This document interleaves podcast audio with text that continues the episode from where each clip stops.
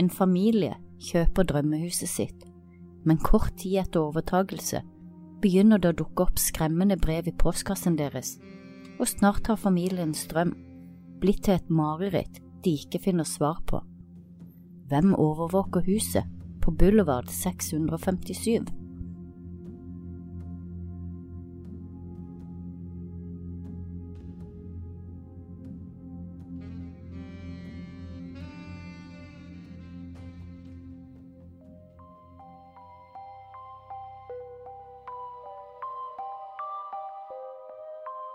Deg godt til rette med noe godt i kroppen, og bli med inn i vår mystiske, grufulle og forunderlige verden.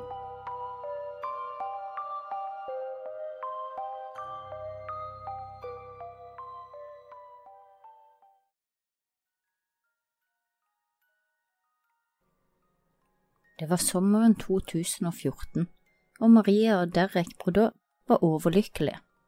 Endelig hadde de fått kjøpt drømmehuset, bare noen få kvartaler fra Maria sitt barndomshjem. Her skulle de bo med sine tre barn, som allerede elsket huset og hadde startet diskusjonen om hvilke rom de skulle ha, og hvilken av pipene i huset julenissen ville komme ned igjennom. Derek hadde nettopp fylt 40 år. Han var oppvokst i Maine og hadde arbeidet seg oppover i et forsikringsselskap på Manhattan, helt til han var blitt senior visepresident og det var takket være hans gode lønn at de nå hadde råd til drømmehuset, med seks soverom til en sum av seks millioner kroner. Maria hadde fått fremskyndet overtagelsen av huset, slik at hun og Derek skulle få tid til å pusse opp deres nye hjem. De satte straks i gang med å pusse opp. Eller Derek var den som pusset opp på kvelden, mens Maria var hjemme med barna. Derek var nettopp blitt ferdig med å male for kvelden, og gikk ut for å sjekke postkassen. Det var bare tre dager siden de hadde overtatt huset, så postkassen var ikke akkurat stappfull. Et par regninger og en hvit, kortformet konvolutt. Brevet var adressert med tykke, gammeldagse bokstaver til den nye eieren. Derek åpnet konvolutten og begynte å lese. Kjære nye nabo i Boulevard nummer 657. Tillat meg å ønske deg velkommen til vårt nabolag. Hvordan endte du opp her? Var det kraften i huset som kallet på deg? Derek begynte å bli urolig. Det brevet, som først virket så hyggelig, begynte nå å gi en ubehagelig følelse. Derek leste videre. Boulevard nummer 657 har vært et tema i min familie i flere tiår nå, og siden det går mot sin 110. bursdag, er det jeg som nå har fått ansvaret for å overvåke huset og vente på at Jesus skal komme tilbake. Min bestefar overvåket huset i 1920-årene, og min far overvåka det i 1960-årene, og nå er det min tur. Kjenner du til husets historie? Vet du hva som skjuler seg i veggene? Hvorfor er du her? Jeg vil finne ut av det. Derek forsto raskt at han allerede hadde blitt overvåket. I brevet var det beskrevet hva slags bil de kjørte, en Honda minivan, og at arbeidere drev med renovering av huset.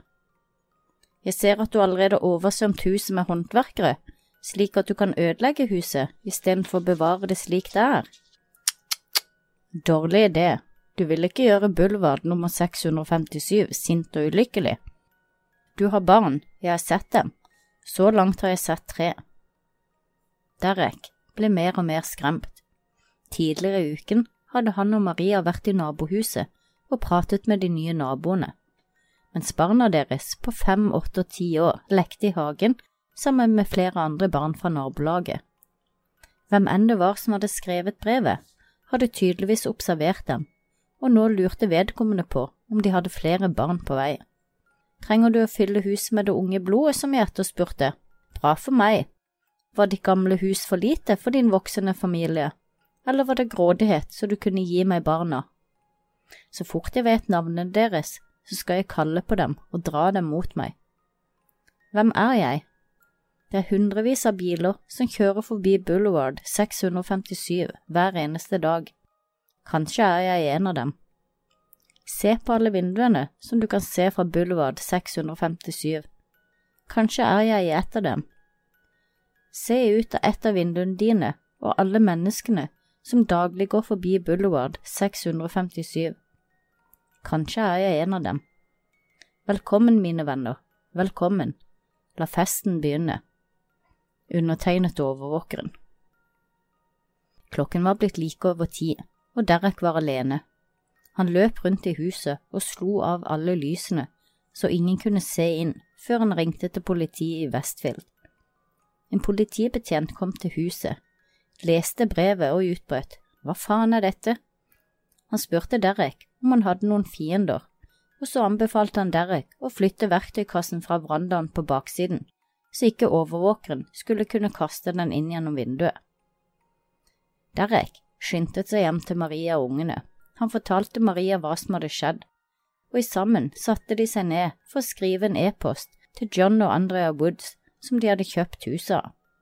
Kanskje de visste hvem overvåkeren var, eller hvorfor overvåkeren hadde skrevet Jeg spurte Woods om å bringe meg ungt blod, og det ser ut som om de gjennomførte. Andrea Woods svarte tilbake neste morgen. Der kunne hun fortelle at noen dager før de flyttet ut, hadde de mottatt et brev fra overvåkeren. Hun fortalte at hele brevet var merkelig, og hadde nevnt noen av de samme tingene som i brevet til Derek, som at overvåkerens familie hadde observert huset i lang tid. Men Andrea sa at de aldri før på sine 23 år hadde fått noen slike brev eller opplevd noe ubehagelig, så hun hadde bare kastet brevet uten å tenke så mye over det. Samme dag ble Andrea med Maria ned på politistasjonen for å anmelde saken. Politibetjent Leonard Lugo tok dem imot og fikk høre historien. De fikk beskjed om å ikke fortelle noen om brevene, inkludert naboene, som nå alle var under mistanke. De neste ukene var Derek og Maria på vakt hele tiden. Maria holdt hele tiden et øye på ungene når de var med over til det nye huset drømmehuset, som nå hadde begynt å ligne på et mareritt. Maria ropte på barna så fort hun ikke kunne se dem. Derek kansellerte jobbreiser og passet på at Maria og ungene var alene minst mulig. En dag da Derek hadde en av naboene over på en omvisning, et eldre ektepar som hadde bodd der i mange år, ble Derek iskald innvendig da nabokona plutselig sa det ble koselig å få litt ungt blod inn i nabolaget. Det hadde gått to uker siden Maria og Derek fikk brevet, og bortsett fra et stort skilt som byggearbeiderne hadde satt opp og var blitt revet ned, så hadde de ikke opplevd noe mer. Maria tok derfor turen alene over til huset for å se på noen malingprøver og sjekke posten. Hun kjente igjen konvolutten så fort hun tok den ut, med de tykke, gammeldagse bokstavene, og hun ringte rett til politiet. Maria åpnet konvolutten med skjelvende hender. Velkommen nok en gang til ditt nye hjem på Boulevard 657. Arbeiderne har hatt mye å gjøre, ser jeg, og jeg har observert deg flytte over personlige eiendeler. Og søppelkonteineren utenfor er jo veldig vakker. Har de funnet ut hva som skjuler seg i veggene? Med tiden så vil de finne svar. Overvåkeren fortsatte å skryte over alt han hadde lært om familien siden forrige brev to uker tidligere. Han kunne nå både navn og fødselsdato til barna, også kallenavnene, som var de Maria hadde brukt når hun ropte på dem. Jeg er glad for å endelig vite navnene deres, og navnene på det unge blodet dere har brakt til meg. Du roper ofte på dem. Maria leste videre. Boulevard 857 er utålmodig nå og kan nesten ikke vente til dere flytter inn. Det har vært årevis siden ungt blod løp opp og ned i gangene på huset. Har du funnet alle hemmelighetene til huset ennå? Vil det unge blodet leke i kjelleren, eller er de redde for å gå ned dit alene? Jeg ville vært veldig redd hvis jeg var dem. Det er langt vekk fra resten av huset, så hvis de er der nede, og du er oppe, så vil du aldri klare å høre dem skrike. Eller skal de overnatte på loftet? Eller skal dere alle sove i andre etasjen? Hvem har soverommet som vender mot gaten? Jeg kommer til å få vite det så fort dere flytter inn. Da vil jeg vite hvem som sover på hvilket rom, så blir det lettere for meg å planlegge. Alle vinduer og dører på Boulevard 657 tillater meg å se deg og følge deg hvor enn du beveger deg i huset. Hvem er jeg? Jeg er overvåkeren, og jeg har hatt kontroll over huset i over to tiår nå. Woods-familien solgte det til dere. Det var deres tur til å flytte videre, og var så vennlige og solgte det når jeg ba dem om det. Jeg passerer forbi mange ganger hver eneste dag. Boulevard 657 er min jobb, mitt liv, min besettelse. Og nå er dere også det. Velkommen til deres resultat av grådighet. Grådighet er hva som drev de tre siste familiene til å bo i huset, og nå har det bringt meg dere. Ha en hyggelig innflyttingsdag, du vet jeg følger med deg. Etter dette sluttet Derek og Maria å bringe ungene over til det nye huset. Nå var de usikre på når og om de i det hele tatt ville flytte inn der. Flere uker senere kom det et nytt brev. Hvor har dere blitt av? Boulevard 657 savner dere. Derek var blitt besatt av å finne ut hvem overvåkeren var. Denne personen som terroriserte familien hans og hadde ødelagt flyttedrømmen. Huset de hadde kjøpt, var bygget i 1905 og var det største og flotteste huset i gata. Det var mange som hadde bydd på huset, og over pristakst.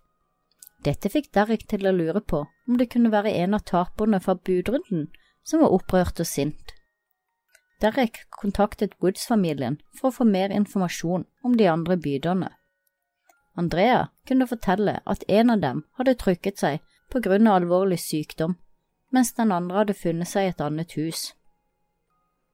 Andrea mente at det måtte være noen i nabolaget som skrev brevene, men det første brevet, som var det Woods-familien hadde fått, var postlagt 4. juni, som var før huset ble lagt ut for salg. Woods hadde heller aldri oppe noe til salgsskilt på huset. Derek hadde vært i prat med en av naboene, John Smith, som bodde to dører lenger ned. Han hadde fortalt om naboene som bodde imellom dem, familien Langfords. Peggy Langford var 90 år gammel, og flere av hennes voksne barn, som var i 60-årene, bodde hos henne. Han fortalte at familien var litt spesielle, men harmløse. Han beskrev en av de yngre sønnene, Michael, som en litt mystisk mann med en litt sånn Ernst Hemningway-skjegg, og som ikke arbeidet. Derek, derimot, ble overbevist om at det måtte være Langford-naboene som sto bak. I et av brevene de hadde fått av overvåkeren, hadde han nevnt datteren deres og maleriet som hun hadde malt på et staffeli, men dette staffeliet var kun synlig fra baksiden av hagen og fra huset til Langford. Familien hadde bodd der siden 60-tallet, som var da faren til overvåkeren, ifølge brevet, begynte å overvåke huset. Rikard Langford, faren i huset, hadde gått bort tolv år tidligere, og i brevet hadde overvåkeren skrevet at han hadde hatt jobben i snart to tiår. Derek tok kontakt med politibetjent Lugo, som hadde ansvar for saken deres. Han fortalte dem om mistanken sin. Lugo fortalte at han allerede hadde tenkt på dem, og en uke etter Derek og Maria mottok det første brevet, hadde politiet brakt Michael Langford inn til et avhør. Michael hadde nektet for å ha noe som helst med det å gjøre, men de sa også at flere andre ting som Michael hadde nevnt, passet med ting som var nevnt i brevet. Men det var ikke mye bevis politiet klarte å finne noen steder, så etter noen uker fortalte politiet at det var ikke så mye mer de kunne gjøre på nåværende tidspunkt om det ikke dukket opp noe nytt. De mente uansett at familien ikke trengte være redde for at noe kom til å skje, og det kunne virke som politiet tok det hele som en spøk. Derek var rasende. At politiet ikke kunne ta saken mer på alvor når, når han fikk trusler mot familien og barna sine. Etter de hadde mottatt det andre brevet, hadde Derek sagt til politiet at hvis de ikke tok dette på alvor, så kom han til å ta saken i egne hender. Der jeg kommer fra, forsvarer man seg mot angrep.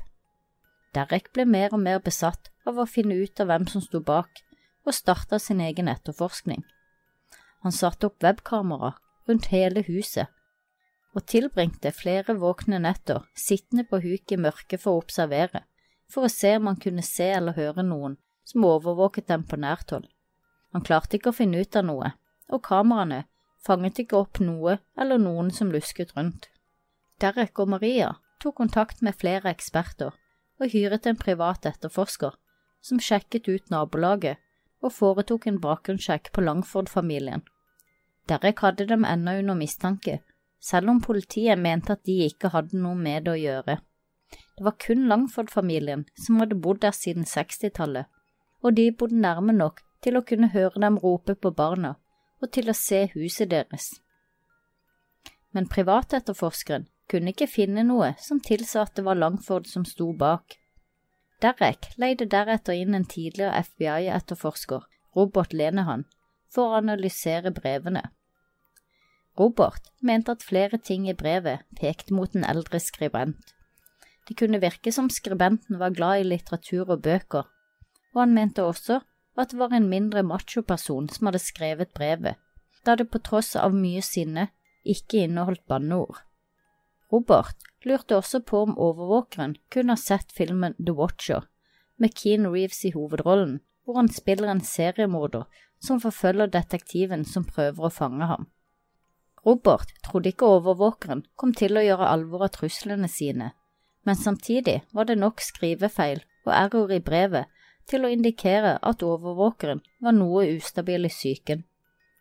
For eksempel var det første brevet datert til tirsdag 4. juni, men 4. juni, det var en onsdag.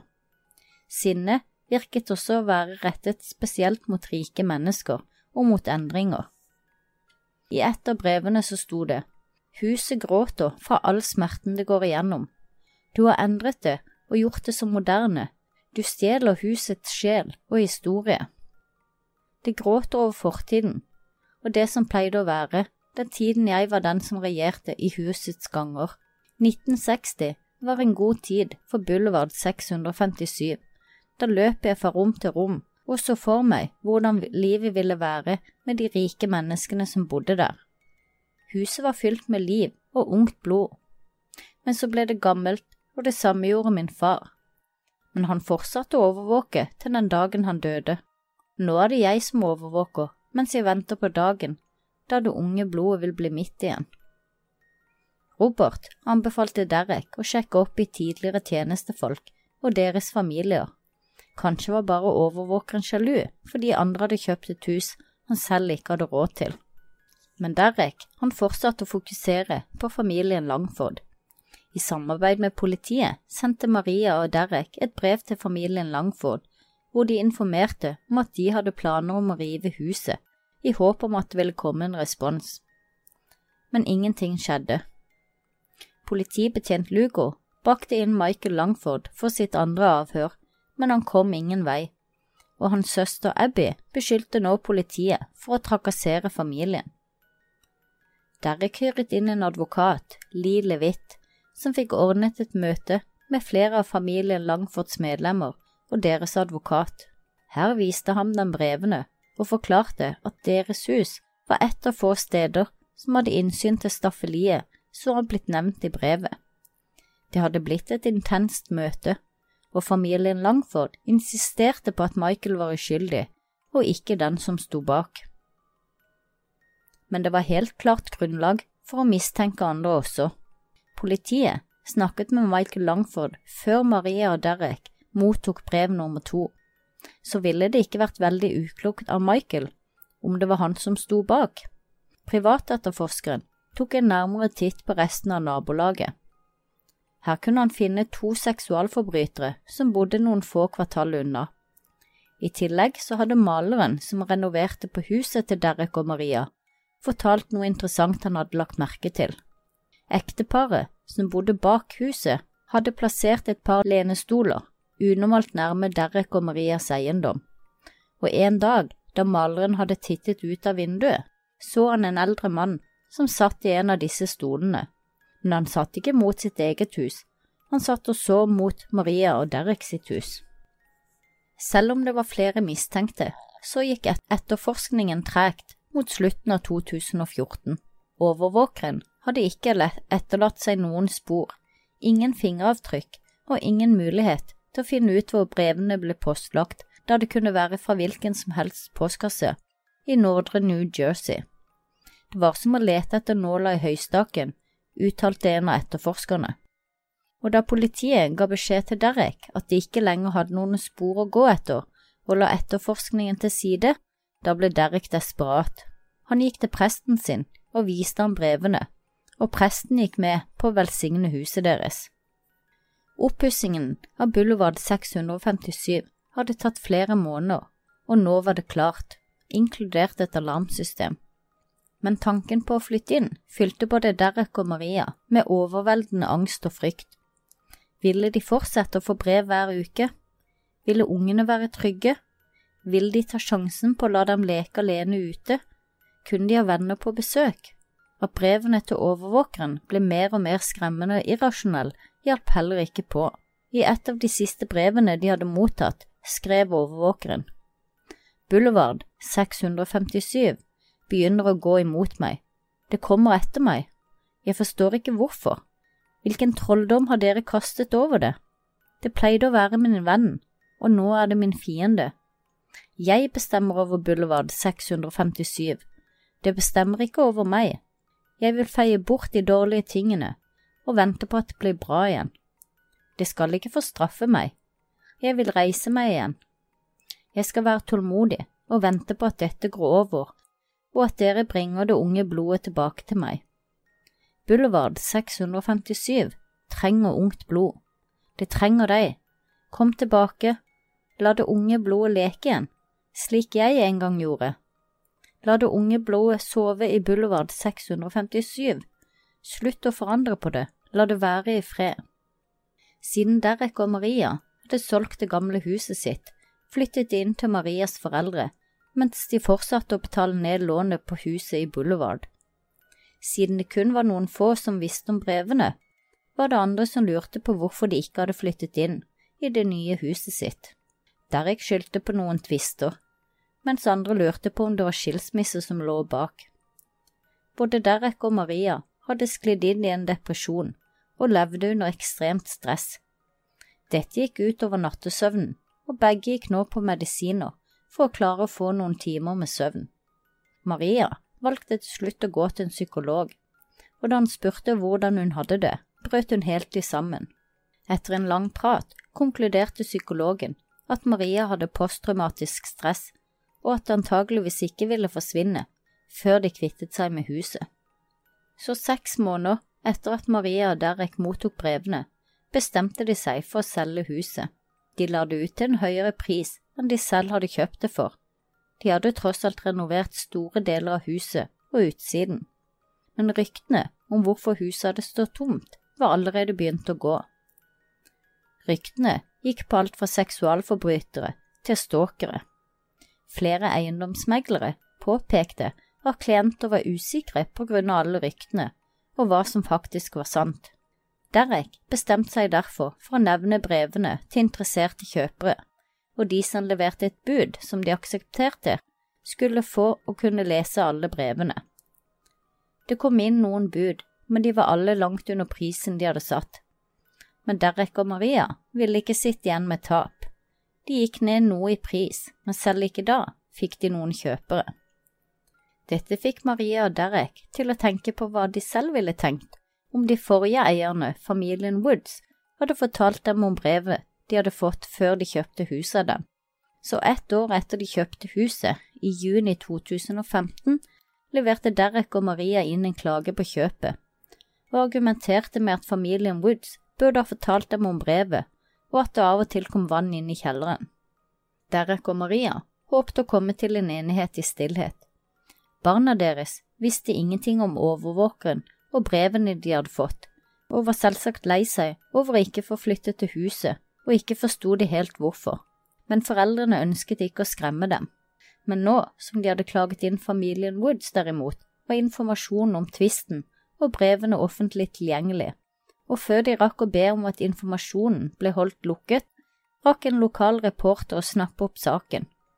Og det tok ikke lang tid før historien gikk viralt, og nyhetsbiler sto på rekke og rad utenfor Boulevard 657. Flere av naboene var overrasket over at de ikke hadde hørt om dette tidligere, eller blitt avhørt av politiet. Ingen kunne forstå hvem som sto bak, og da søksmålet mot familien Woods ble kjent, var det flere som konspirerte om at Derek og Maria sto bak for å forsøke å komme seg ut av et huskjøp de angret på, og flere av de som støttet familien, vendte seg nå mot dem. Andre mente det måtte være et spøkelse, og andre skyldte på de nærmeste naboene. Det gikk mange rykter, som også gjorde hverdagen enda vanskeligere for Derek og Maria. Og etter nesten to år ventetid kom endelig saken deres opp, men de tapte søksmålet, og huset forble usolgt. Økonomisk var de nå helt på bånn. Men så fikk de endelig noen gode nyheter. En familie med voksne barn og to store hunder hadde takket ja til å leie huset.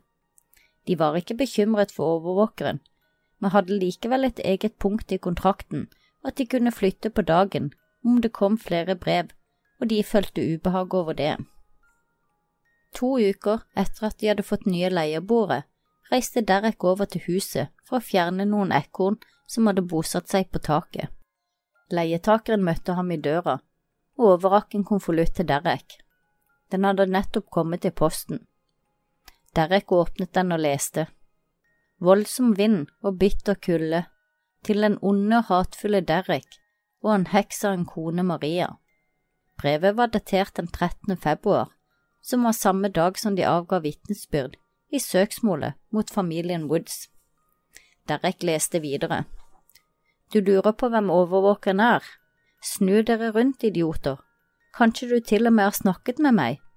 En av dine såkalte naboer som ikke har noen anelse om hvem overvåkeren er, eller kanskje du allerede vet hvem jeg er, men er for redd til å fortelle det til noen. Smart trekk. Brevet uttrykte misnøye med de nye leieboerne, og hintet til en hevn som kunne komme i en eller annen form. Kanskje en bilulykke, kanskje en brann, kanskje noe så enkelt som en liten sykdom som aldri går bort, som får deg til å føle deg dårlig dag etter dag etter dag etter dag. Kanskje etter kjæledyrene plutselig dør på mystisk vis. Noen som står deg nær, dør plutselig. Fly, bil og sykler, de krasjer. Bein knekker. Brevet avsluttet med Du er hatet av huset, og overvåkeren vant. Dette var også det siste brevet som er mottatt til dags dato. Derek tok brevet med til politiet, i håp om at de kunne finne noe som kunne lede dem videre i etterforskningen. Og selv om de presset på for at politiet skulle etterforske, så hadde ikke politiet noe mer å gå etter, og mysteriet om hvem overvåkeren er, er fremdeles et mysterium.